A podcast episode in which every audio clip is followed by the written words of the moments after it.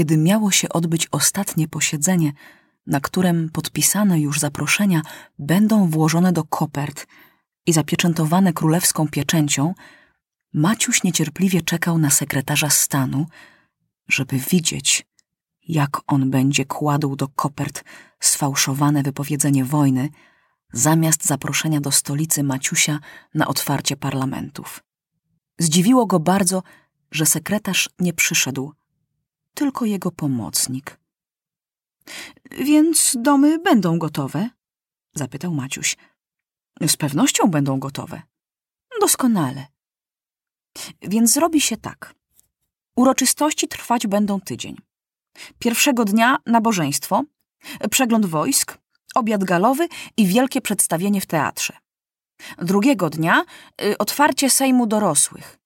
Trzeciego dnia otwarcie Sejmu dla dzieci. Czwartego dnia otwarcie ogrodu zoologicznego.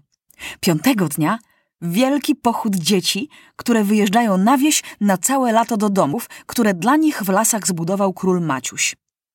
Szóstego dnia wielki bal pożegnalny dla zagranicznych królów, a siódmego dnia wyjazd wszystkich gości. Maciuś dodał jeszcze do programu czwartego dnia odsłonięcie pomnika dzielnego pilota, który zginął w ostatniej jego podróży i wielką zabawę dla czarnych królów. Na wszystkich zabawach będą obecni posłowie obu sejmów i Felek minister siedzieć będzie po lewej stronie Maciusia, a prezes ministrów po prawej. To znaczy, że minister dorosłych i minister dzieci są zupełnie równi wobec króla. I do Felka wszyscy tak samo zwracać się będą panie ministrze. Kiedy już wszystko uradzono, Maciuś podpisał zaproszenia do zagranicznych królów. Do białych na białym papierze, do żółtych na żółtym i do czarnych na czarnym papierze.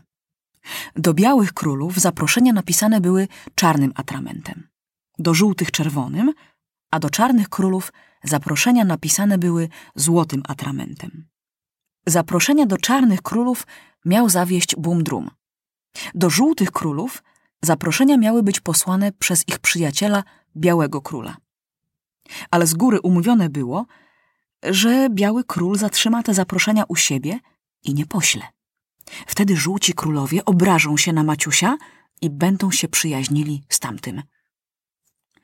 Mistrz ceremonii przyniósł skrzynkę z królewską pieczęcią. Zaproszenia po kolei wkładano do kopert i pomocnik sekretarza stanu przypieczętował je czerwonym zielonym lakiem.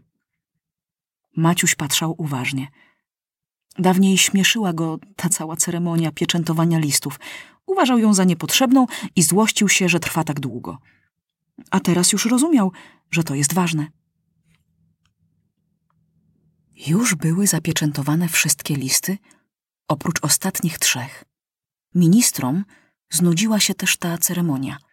Zapalili cygara i rozmawiali sobie po cichu, chociaż regulamin zabraniał rozmawiać podczas pieczętowania listów królewską pieczęcią. Oni nie wiedzieli, co będzie. Wiedział wszystko tylko Maciuś, prezes ministrów i minister sprawiedliwości. Potem nawet bardzo się obraził minister spraw zagranicznych, że jemu nic nie powiedzieli. Pomocnik sekretarza stanu zbladł, ale ręce mu ani trochę nie drżały. I kiedy miał włożyć zaproszenie do białych królów, nagle zaczął kasłać. Niby, że nie może znaleźć chustki do nosa, zaczął szukać w kieszeniach – i tak zręcznie wyjął z kieszeni razem z chustką takie same arkusze, a tamte schował, że zauważyć mogli tylko ci, którzy o wszystkim wiedzieli. Przepraszam, waszą królewską mość, powiedział pokornie, ale w moim gabinecie jest wybita szyba i, i tak się zaziębiłam. o, nie szkodzi, powiedział Maciuś. Nawet to moja wina, bo tę szybę ja wybiłem, kiedy bawiliśmy się kulami śniegowymi. Ale on taki kontent, że mu się dobrze udało. A tu nagle minister sprawiedliwości mówi: Panowie ministrowie, proszę o uwagę. Odłóżcie panowie cygara. Zaraz się domyślili, że coś się stało. A minister sprawiedliwości włożył na nos okulary i zwraca się do pomocnika sekretarza stanu. Aresztuję pana w imieniu prawa, jako szpiega i zdrajcę. Zgodnie z paragrafem 174 będzie pan powieszony. A temu oczy wyszły na wierzch, jak gały. Zaczął wycierać pot z czoła, ale udaje jeszcze spokojnego. Y, Panie ministrze, ja nic nie wiem, ja nic nie rozumiem. Jestem chory, mam kaszel. Y, Bo szybę wybili w moim gabinecie. Muszę iść do domu, położyć się do łóżka. Nie, bratku, nie uciekniesz mi. Już ciebie w więzieniu wyleczą. Wchodzi pięciu więziennych stróżów i zakładają mu łańcuchy na ręce i nogi. Coś, co się stało? Pytają zdumieni ministrowie. Zaraz, panowie, zobaczycie. Proszę, niech wasza królewska mość złamie pieczęcie tych listów. Maciuś otworzył koperty i pokazał papiery fałszowane. Tam było napisane: Teraz, kiedy wszyscy dzicy królowie są moimi przyjaciółmi, nie dbam o was wcale. Pobiłem was raz, pobiję drugi raz. I wtedy będziecie się mnie słuchali. Wypowiadam wam wojnę. A piąty stróż więzienny wyjmuje z kieszeni pomocnika sekretarza zgniecione razem z chustką do nosa zaproszenia do białych królów. Okutemu w kajdany kazano podpisać protokół, że to wszystko prawda. Wezwano telefonicznie sekretarza stanu, który przestraszony zaraz przyjechał. Ach, to łajdak! krzyczał. Ja chciałem przyjść sam, a on tak mnie prosił, że chce mnie zastąpić. Kupił mi bilet do cyrku, że w cyrku tak ładnie przedstawiają i ja głupi mu wierzyłem. Zaraz przyjechało pięciu generałów na sąd. Niech oskarżony mówi prawdę. To może pomóc. A jak będzie kręcił, wszystko przepadło. Będę mówił prawdę. Od jak dawna oskarżony był szpiegiem? Od trzech miesięcy. Dlaczego oskarżony został szpiegiem? Bo przegrałem dużo pieniędzy w karty i nie miałem zapłacić. A długi karciane trzeba płacić w ciągu 24 godzin, więc wziąłem rządowe pieniądze. Ukradł pan. Ja myślałem, że będę mógł oddać, że się odegram. No i co? Znów grałem w karty, żeby się odegrać. I jeszcze więcej przegrałem. Kiedy to było? Jakieś pół roku temu. I co było potem? Potem ciągle się bałem, że będzie rewizja i wsadzą mnie do więzienia, więc pojechałem do zagranicznego króla i zostałem jego szpiegiem. Ile on panu płacił? Rozmaicie. Za ważne wiadomości dostawałem dużo, a za małe mało. A za to miałem dostać bardzo dużo pieniędzy.